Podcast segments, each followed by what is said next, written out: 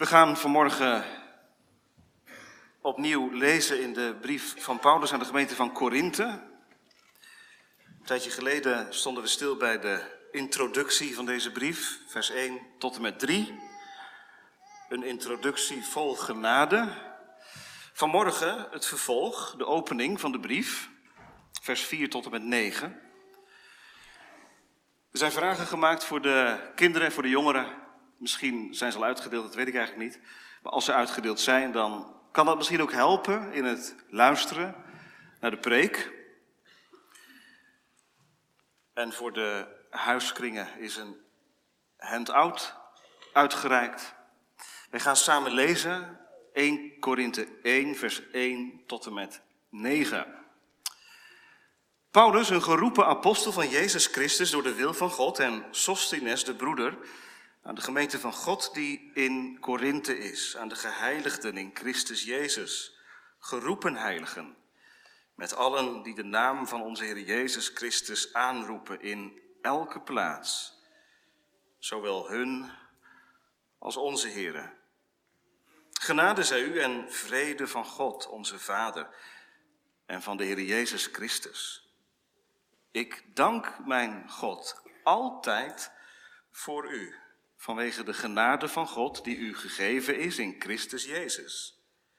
U bent namelijk in alles rijk geworden in Hem, in alle spreken en alle kennis, naarmate het getuigenis van Christus bevestigd is onder u. Zodat het u aan geen genadegave ontbreekt, terwijl u de openbaring van onze Heer Jezus Christus verwacht. God zal u ook bevestigen tot het einde toe, zodat u onberispelijk zult zijn op de dag van onze Heer Jezus Christus.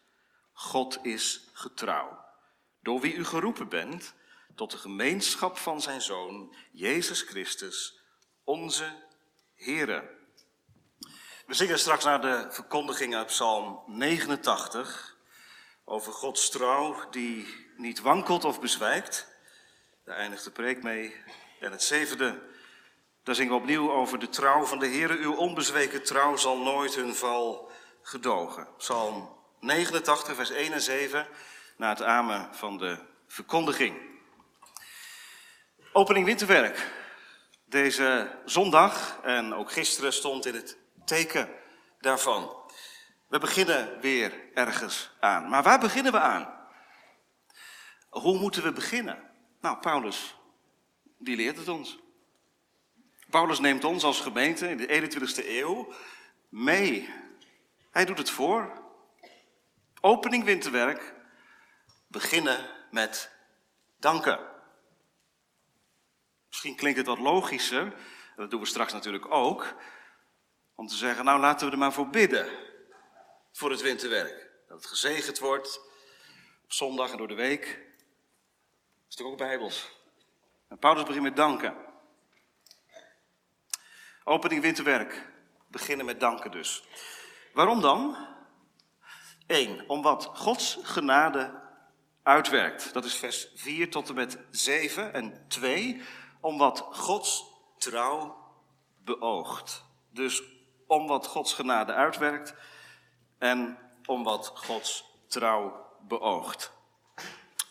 De eerste gedachte van de preek, om wat Gods genade uitwerkt. Even ophalen van een paar weken geleden. Toen begon ik de preek, en ik begin de preek opnieuw zo, gemeente, met de zin, de gemeente van Korinthe is de perfecte gemeente om afscheid van te nemen.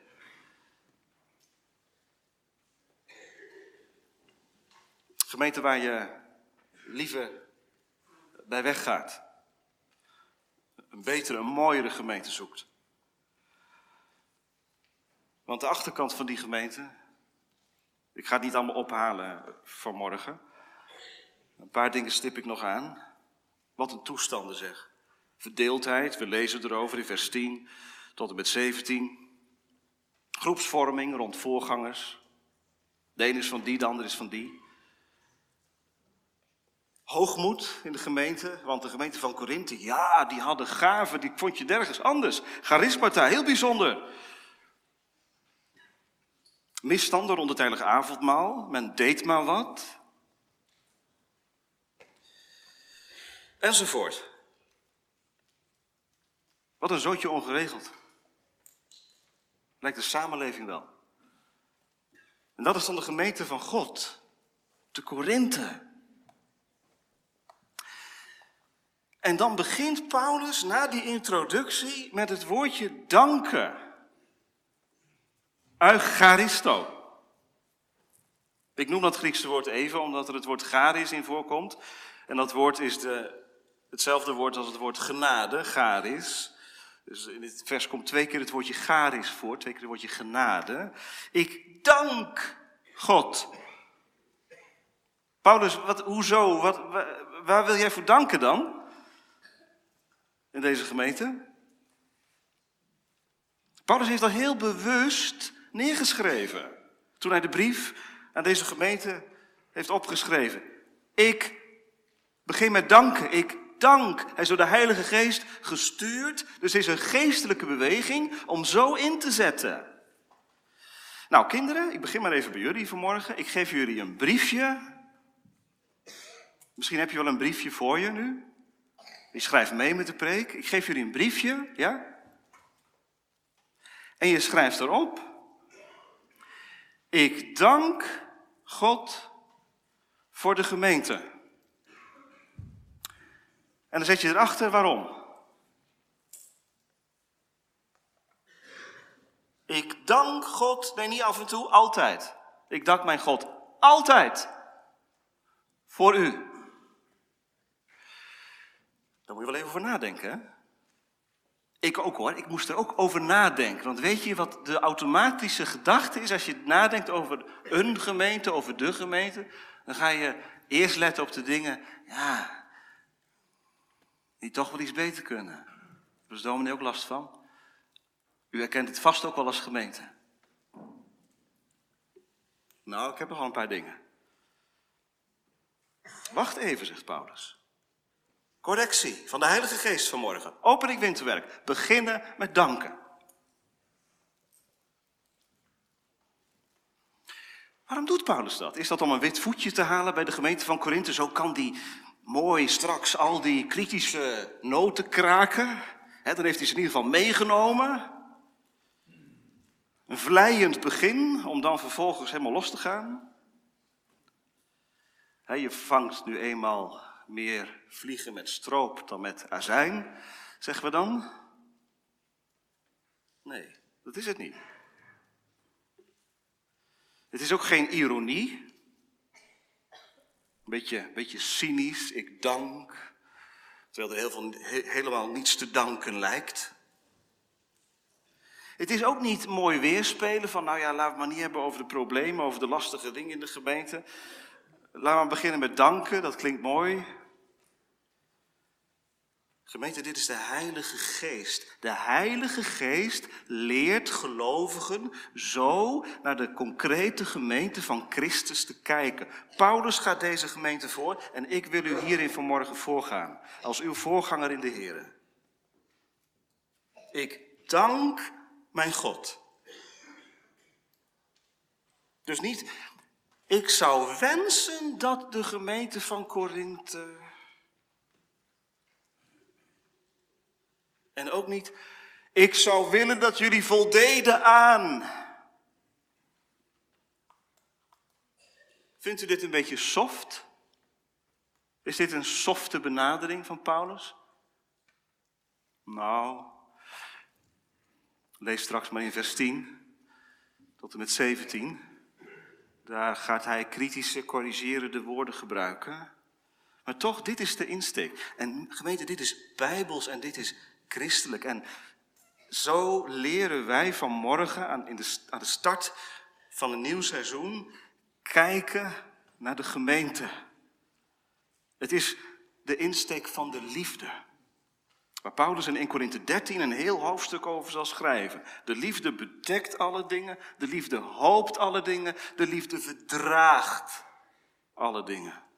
Paulus kijkt met ogen van genade niet met de harde blik van iemand die altijd wel iets vindt wat beter kan. Je zou het kunnen vergelijken, dacht ik, En ze zitten hier, ouders, die soms heel lang wachten s'avonds, omdat een van je kinderen nog niet thuis is. En je kijkt op je horloge, je had een afspraak gemaakt, maar het is al een half uur later, een uur later. Het wordt nog later. En diep in de nacht komt je lieveling thuis, je kind. Ja, wat is dan je eerste eh, reactie? Ja, je eerste menselijke reactie is, ja, maar je hebt je niet in de afspraak gehouden. Boos. Maar de geestelijke reactie van een ouder richting een kind is, kind, je bent weer thuis. Natuurlijk, er is heel veel uit te leggen en uit te praten, maar je kind is weer thuis. Dat zijn de ogen van de liefde van ouders. Voor kinderen die soms wegen gaan die niet goed zijn. Gemeente, ik vind het een beschamende les in het denken over de gemeente. Aan het begin van een nieuw seizoen. Broeders, broeders. We gaan weer, of we zijn alweer begonnen met huisbezoeken. Hebben we er een beetje zin in? We hebben de wijk natuurlijk doorgenomen. Bij die wijk horen namen, bij die wijk horen gezichten. Waar denken we aan? Even eerlijk, was het eerste. Ik dank mijn God altijd. En jeugdleiding. Kijk maar even zo de gemeente rond. Geweldig hè, dat jullie je weer geven in het nieuwe seizoen. Daar ben ik ontzettend blij mee. Je hebt de lijst gehad met namen. Wat ging er door je heen? Waar betrap je je op als je de namen en de gezichten van al die kinderen gisterenmiddag op het veld langs ziet komen? Ik dank mijn God altijd voor jullie. Ik stel mezelf die vraag ook hoor. De categorisaties gaan weer beginnen. Op de Bonenberg zit vooraan. Waar denken wij aan? Waar denk ik aan? Wat is het eerste boven komt? Ik vraag u niet vanmorgen, bent u dankbaar? Ik vraag u, waar dankt u voor? En nu kom ik weer even terug bij de kinderen, hè, die met dat briefje nog steeds in de hand zitten. Ik dank mijn God voor de gemeente, maar wat moet je nou opschrijven? Vind je dat ook lastig? Het is best wel moeilijk hè, om, om, om erover na te denken. Ja, misschien ben je wel helemaal niet dankbaar voor de gemeente. Wat is dat dan? Dank, dankbaar zijn voor de gemeente? God danken voor de gemeente? Nou, mag ik een paar dingen noemen en misschien dat we er allemaal wel iets aan hebben? Er is een plaats. De kerk op zondag. Waar jij met vragen in aanraking komt die je op maar heel weinig plaatsen hoort stellen. Het gaat in de kerk over je ziel, over de binnenkant van je leven. Dat je moet sterven en dat je het bloed van de Heer Jezus Christus nodig hebt om straks bij Hem te komen. Dat hoor je in de gemeente. De kerk is de plaats waar je omgekeerd kunt worden, bekeerd.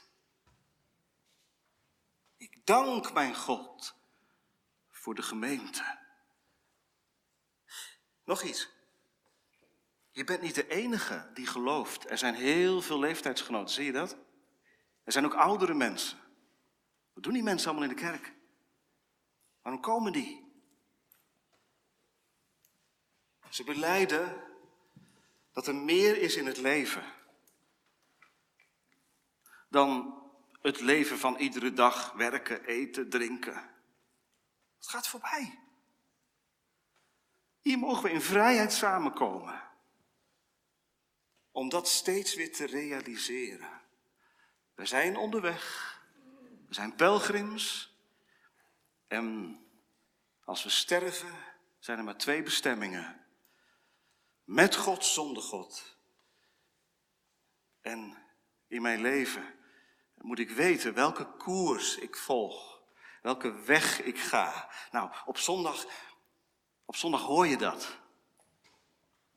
Word je opgeroepen om, om, om achter Hem aan te gaan, om het oude achter te laten en in een nieuw leven te wandelen. Ik dank mijn God, altijd. Voor u, zegt Paulus. Meervoud, dat ziet u niet, maar in het Grieks staat daar meervoud. Ik dank mijn God voor jullie. Dus Paulus heeft concrete personen voor zijn ogen. Waar dankt hij voor? Voor genade. Kijk maar, vanwege de genade van God, die heel concreet aan jullie gegeven is. Dat is prachtig, hè? want hier komt Paulus bij de kern van zijn dank. Wat is er gebeurd in die wereldstad Korinthe? Er is een gemeente ontstaan. Van havenwerkers, van prostituees, van landlopers, van intellectuelen, van armen, van rijken, van jongeren, van ouderen. Een gemeente ontstaan. God heeft dat gedaan. In zijn welbehagen heeft hij mensen uit de heidense krachten verlost en samengebonden in één gemeente. Dat is het werk van God. Schrijft Paulus. Ik dank mijn God voor jullie. Nee, ik dank mijn God niet voor jullie, wat jullie allemaal met elkaar uithalen en doen, maar vanwege de genade van God die jullie gegeven is.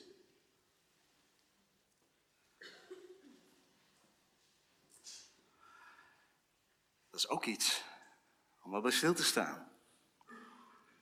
Kijk je zo naar de gemeente? Ik dank mijn God voor wat Hij doet in levens van anderen en in mijn leven. In de voorbereiding las ik iets uit het boekje Leven met elkander van Bonheuver. En ik geef u één citaat door. Hij schrijft, als wij niet dagelijks danken voor de christelijke gemeenschap waarin wij geplaatst zijn, maar alleen maar klagen dat alles nog zo armzalig is en dat het helemaal niet klopt met wat wij hadden verwacht, dan verhinderen wij God om onze gemeenschap te laten groeien tot de mate en rijkdom die in Christus Jezus klaar ligt. Wie alleen maar klaagt en niet dankt, is niet op zijn plaats. Paulus heeft duizend redenen tot klagen, maar hij begint te danken. Vanwege de genade die zichtbaar wordt in levens van jongeren en ouderen.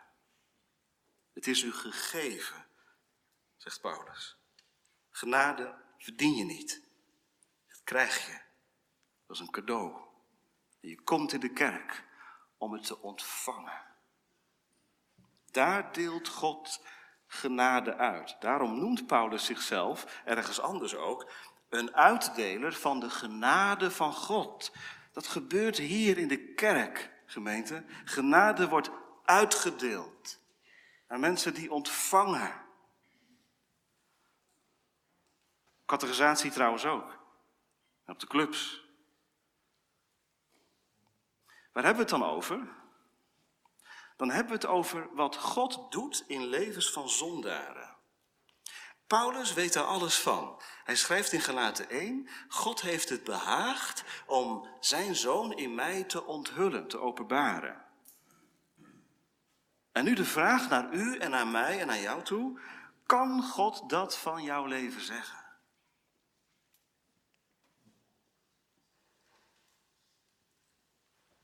Dat de genade van God aan jou gegeven is en dat je die ontvangen hebt. Ben je een levend lid van de gemeente? Daar gaat het om. Niet wie er allemaal in de administratie staan. Het gaat erom dat je naam bekend is bij God. Het gaat er ten diepste ook niet om of een gemeente groeit of krimpt. Waar het om gaat is dat God in mijn leven iets terugziet van de Heer Jezus, van zijn zoon. Dat houdt zijn waarde. En als Paulus daaraan denkt, dan wordt hij blij. Ik dank mijn God. Want het is gebeurd. De genade van God is gegeven in Christus Jezus. En dan vervolgt hij, u bent namelijk in alles rijk geworden, in Hem de genade heeft zijn sporen nagelaten in het leven van concrete personen. Dan noemt hij twee dingen. U bent rijk geworden in spreken en kennis. Ziet u dat staan, vers 5? Spreken en kennis. Nou, dat is niet zomaar. Deze twee woorden die zijn typerend voor de stad Korinthe. Want Korinthe was de stad van de redenaars, van de mensen die praten. Welsprekend praten. En Korinthe is ook de stad van de denkers. filosofen. Scholen van filosofen ontstonden daar. Met mensen die nadachten over de werkelijkheid en over het leven. Korinthe was naast een goddeloze stad, ook de stad van, uh, van de intelligentia. U bent rijk geworden, zegt Paulus. In hem, in alles spreken en kennis. En het is belangrijk om vanmorgen de vinger bij te leggen, want wat gebeurt er nou als God in een leven van een mens begint te werken? Kan maar zo jouw vraag zijn. Hoe merk je dat? Hoe weet je dat? Paulus heeft het over spreken en kennis. Het gaat over je binnenkant, hè? kennis, je denken en je spreken, wat er uit voortkomt. Als Paulus dit neerschrijft, denkt hij aan concrete personen die haven werken, die vloekten, als ik weet niet wat. Die man is opgezocht door Gods genade. Hij heeft geluisterd naar de prediking van Paulus. Hij hoorde over genade, hij hoorde over verlossing en verzoening. En hij is tot geloof gekomen. En nou zit hij in de gemeente. Hij is rijk geworden. In alle spreken en kennis in hem. Hij denkt aan die, uh, die dame van lichte zeden. Ze, ze deelde haar, haar lichaam met allemaal mannen. En ze heeft gehoord van de verkondiging van, van Jezus. Haar ellendige bestaan, gevangen als ze was, verslaafd aan zonde. Dat is veranderd. Hoe komt dat dan? Door de genade van Christus. Dat u moet denken aan de, de verkondiging van Paulus als bron van die verandering, dat zien we in vers 6. Daar staat, naarmate het getuigenis van Christus bevestigd is onder u. En bij getuigenis van Christus moeten wij denken aan de verkondiging van Paulus, zoals hij zelf schrijft in hoofdstuk 2, vers 2. Ik had mij voorgenomen niets anders onder u te weten dan Jezus Christus en die gekruisigd. Dus die mensen, die zijn door de prediking van Paulus tot Christus geleid. En zo werkt God nog. Het zijn de woorden van God die binnendringen in je leven en die je bestaan veranderen. Die je aan Christus verbinden.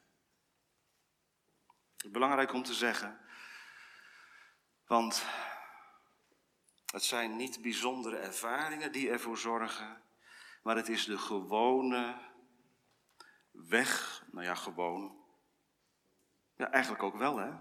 Het is de gewone weg die God kiest, de weg van verkondiging, waardoor je getrokken wordt tot Jezus Christus.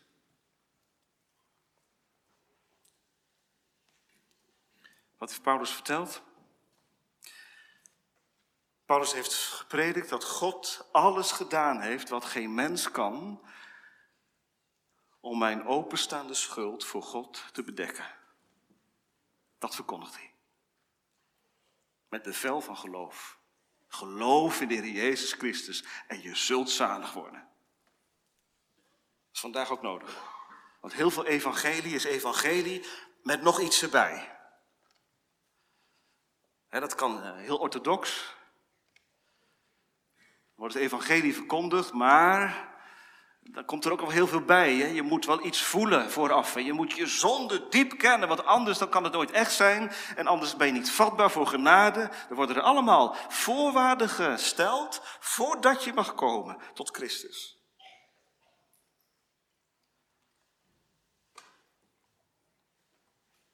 Dat maakt je moedeloos, zo'n evangelie. Dat is geen evangelie, dat is evangelie met iets erbij. Dat is verstikkend. Het evangelie is niet dat jij eerst moet veranderen. Bedenk dat.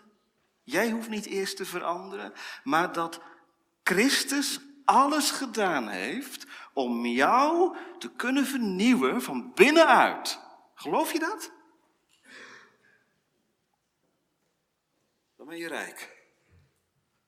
Dat is de rijkdom waarover het hier gaat. En iedere keer als het getuigenis van Christus tot jou komt, op categorisatie, op de club, op zondag. Je hoort van Hem. Je hoort Zijn naam en Zijn werk uitstallen.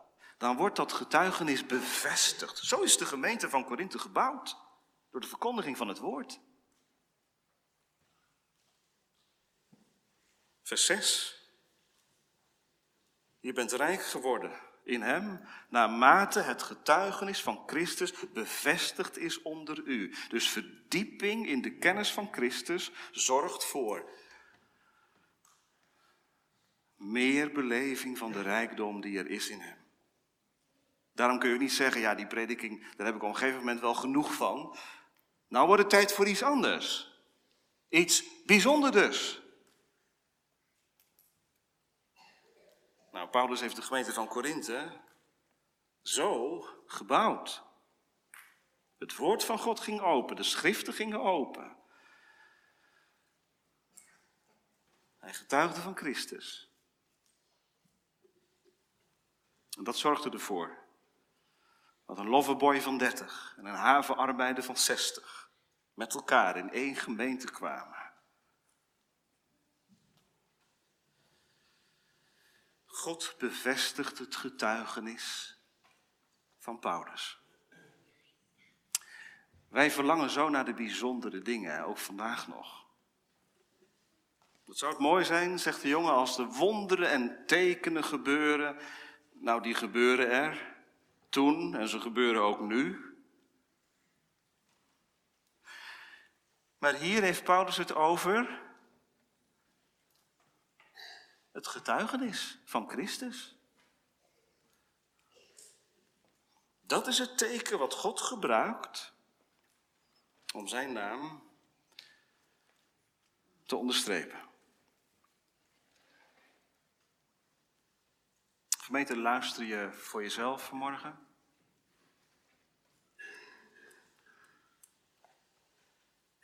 Is dit in uw leven, is dit in mijn leven ook, ook doorgebroken? Hoe weet je dat? Dan ontbreekt het je niet aan genadegaven, aan charismata, vers 7. Heel bijzonder, hè? Dat, woord, dat komt natuurlijk terug in 1 Corinthië 12, 13, 14. En de Corinthiërs stonden bekend om de tongentaal, bijvoorbeeld. Nou, Paulus kraakt dat niet af. Maar hij roept de gemeente van Korinthe wel tot de orde. Wat is de genadegaaf? Wat zijn de genadegaven? Zijn dat de extreme, bijzondere dingen, waardoor je eigenlijk een beetje bijzonderder voelt dan anderen? Nee. De genadegave waar Paulus hierover spreekt, is de kennis van de Heer Jezus Christus. Je kennen en je spreken is door Hem vernieuwd. Je bent aangeraakt door de geest van God. Ik dank mijn God, schrijft Paulus. Hebben we het nog scherp? Paulus is bezig om te danken. Ik dank mijn God voor wat er gebeurd is in jullie leven. Jullie zijn innerlijk vernieuwd. En dan is er nog iets, en dan mag je je leven ook naast leggen vanmorgen. Hoe weet je nou of je opnieuw geboren bent, nou weet je wat er dan gebeurt? Dan ontstaat er verwachting en hoop, blijkbaar. Paulus heeft het over vers 7, terwijl u de openbaring van onze Heer Jezus Christus verwacht. Je leven heeft een extra dimensie gekregen. Die havenarbeider, die knokte voor zijn bestaan. Hij werkte. En hij werkte. En hij hoorde over de Heer Jezus Christus. Die zelf aan het kruis is gegaan. En zijn leven brak open. Er is een toekomst. Vol van hoop. Voor wie in Christus gelooft, had hij nooit begrepen. Paulus confronteert hem ermee. En dat is nog zo. Eerst leefde jij, jongen, van de wieg tot het graf. Je richtte je op het hier en nu. Daar ging het om. Maar onder de verkondiging van het woord brak het leven open. God raakt je aan door zijn heilige geest en schudt je wakker. Jochie, het is meer dan tot van de wieg tot het graf. Je bent geschapen voor de eeuwigheid. Wij leven in een tijd dat het geloof na de dood weer meer is toegenomen. Ik ben op dit moment een boekje aan het lezen van Fokke Obbema. Een Volkskrant-journalist. Die heeft allerlei interviews gehouden met uh, bekende mensen uit Nederland. Titel Stervelingen. En al die mensen vertellen wat de dood en wat de confrontatie met de dood of met de ziekte met hen doet. En helemaal aan het eind evalueert hij al, al die interviews. Hij is zelf geen christen. Hij schrijft, zonder bijbehorend groter verhaal blijven mensen vasthouden aan het leven hier en nu. Dus nadenken over de dood is vandaag in. Ook nadenken over wat er na de dood gebeurt. Maar als er geen grote verhaal is, ja, dan moet je het toch wel doen met het hier en nu. Nou gemeente, als je nou ergens dankbaar voor mag zijn. Ik dank mijn God voor de gemeente dat het hier gaat over dat grotere verhaal. Wat is het grotere verhaal? De openbaring van onze Heer Jezus Christus verwacht u. Dat doet genade. Dat doet genade. Dat werkt genade uit. Dan sta je daarbij stil, dan realiseer je. De Heer Jezus Christus komt eraan. Hij zal zich dan onthullen. Ik zal hem zien zoals hij is. Als ik Hem als mijn redder ken, mag ik bij Hem zijn. Nou, dat grotere verhaal brak het leven van die havenarbeider en van die prostituee in Korinthe open.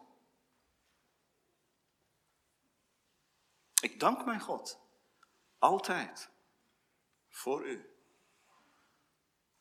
En dat is heerlijk als je het in de gemeente ook mag merken, broeders, dat het openbreekt hè, op de huisbezoeken. Dat er zegen is op de verkondiging van het woord. Dat er iemand voor het eerst aan het avondmaal gaat. We hebben het gezien. Ik dank mijn God altijd voor u. Tot slot, die laatste twee versen. Beginnen met danken, omdat Gods genade uitwerkt omdat Gods trouw beoogt. Ik stel me zo voor, het is interpretatie, maar ik stel me zo voor dat Paulus even zijn, zijn, zijn pen heeft neergelegd of tegen Sostenes heeft gezegd, even wachten. En vervolgens dicteert hij verder. Waarom wacht hij even? Nou ja, hij heeft dit neergeschreven maar er is wel heel veel aan de hand in de gemeente van Korinthe. Hoe moet dat toch? Wat hij signaleert in de gemeente van Korinthe, dat is niet fraai. Hoe nu verder schrijven? Kijk eens hoe hij dat doet. Hij heeft het opnieuw over de toekomst. God zal u ook bevestigen tot het einde toe. Paulus denkt aan de gemeente van Korinthe, denkt aan zichzelf en dan corrigeert hij zichzelf. Nee, nee, ik moet het hebben over hem. Hij zal zijn werk voleinden. En daarom opnieuw, God zal u ook bevestigen. Of zoals Paulus later schrijft in de Filipijnse brief, hij die een goed werk in u begonnen is, die zal het ook voleindigen. hey, dit is niet evangelie plus. Dit is het pure evangelie dat als God jou, zijn zoon, bekend heeft gemaakt. Als jij door het geloof aan hem verbonden bent, dan mag je weten dat de rest van het leven onder de koepel staat van Gods trouw. God zal jou vasthouden, zal jou bevestigen tot het einde toe. En dan denken wij, dat is het slot, maar het woordje einde, in het Grieks staat het telos, betekent hier doel. God zal je bevestigen tot het doel. God heeft een doel met je leven. Dat zeggen we wel eens hè, tegen elkaar. Ja, maar God heeft een bedoeling met je leven. Nou, dat heeft hij zeker.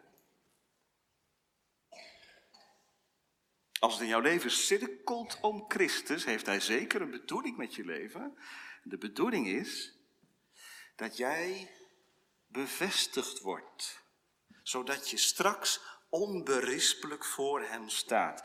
Ziet u dat staan, vers 8? Zodat u onberispelijk zult zijn op de dag van onze Heer Jezus Christus. Paulus, kijk nou eens naar die mensen, hoe ze met elkaar omgaan in de gemeente van Korinthe. Die partijvorming, die verdeeldheid. En dan schrijf je, ja, maar dit is wat genade vermag.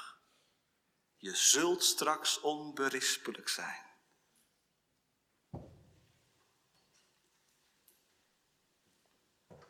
Zo mag je naar je broeder, naar je zuster kijken, met wie je aan één tafel zit en met wie je het niet altijd eenvoudig hebt. Kan hè?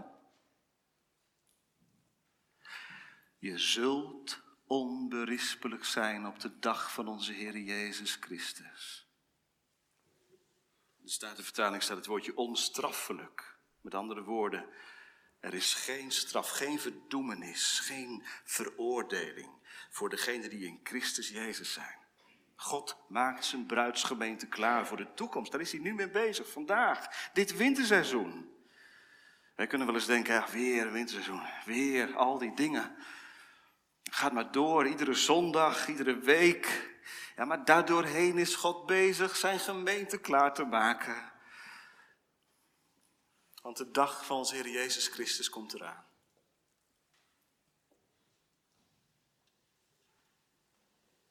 God zal je bevestigen. Om straks met Israël, de God van Jacob, van Abraham en Isaac, te ontmoeten. Psalm 87 komt boven als wij het woordje bevestigen lezen. God zal ze zelf bevestigen en schragen uit Israël en uit de heidenen. Maar ja, zegt iemand, toestand hier beneden. Als ik naar mijzelf kijk, dan is er heel veel op aan te merken. Mijn conditie is zo vaak ondermaats. De man die dit schrijft, weet daar alles van. Paulus heeft geschreven over vlees en geest. Romeinen 7. Hij heeft geschreven over zijn conditie en over zijn positie. Zijn positie ligt vast. Zijn conditie, ja, die is heel wankel en verschillend. Het is een verzoeking, als je in Jezus gelooft, om te denken vanuit je conditie. Let je op wat er allemaal nog niet goed gaat in je leven. Wat gebeurt er dan? Dan flakkert het vlammetje van de hoop nog een beetje, maar dan zakt het helemaal in. Wat Paulus de gemeente van Korinthe hier leert en wat de gemeente van Apeldoorn leert, is: wie ben je nou in Christus? Wat is je positie? Ben je van Hem? dan zul je straks onberispelijk zijn. Ja, maar dat is toch niet gemakkelijk bedoeld, alsof je dan maar gewoon kunt leven. Nee, u moet verder lezen, 1 Korinthe 3. Daar waarschuwt Paulus de gemeente van, van Korinthe. Let op. Je kunt er van alles doen en denken, maar het fundament zal alleen stand houden. Alles zal door vuur vergaan. Alles wat van ons is. Alleen het fundament blijft staan. Heeft ons leven een fundament?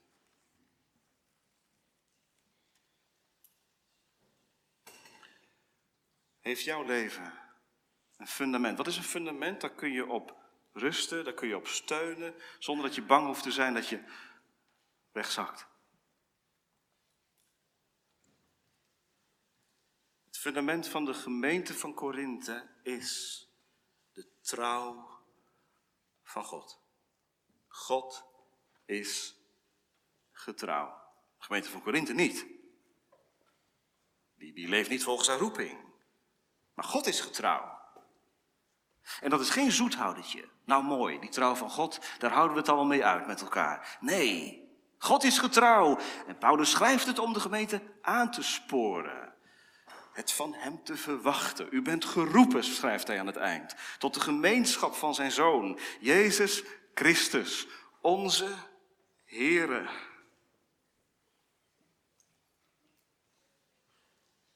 Je bent geroepen tot de koinonia van Jezus. Dat betekent dat alles wat van Hem is, van jou is. Dat alles wat Hij verdiend heeft, voor jou is.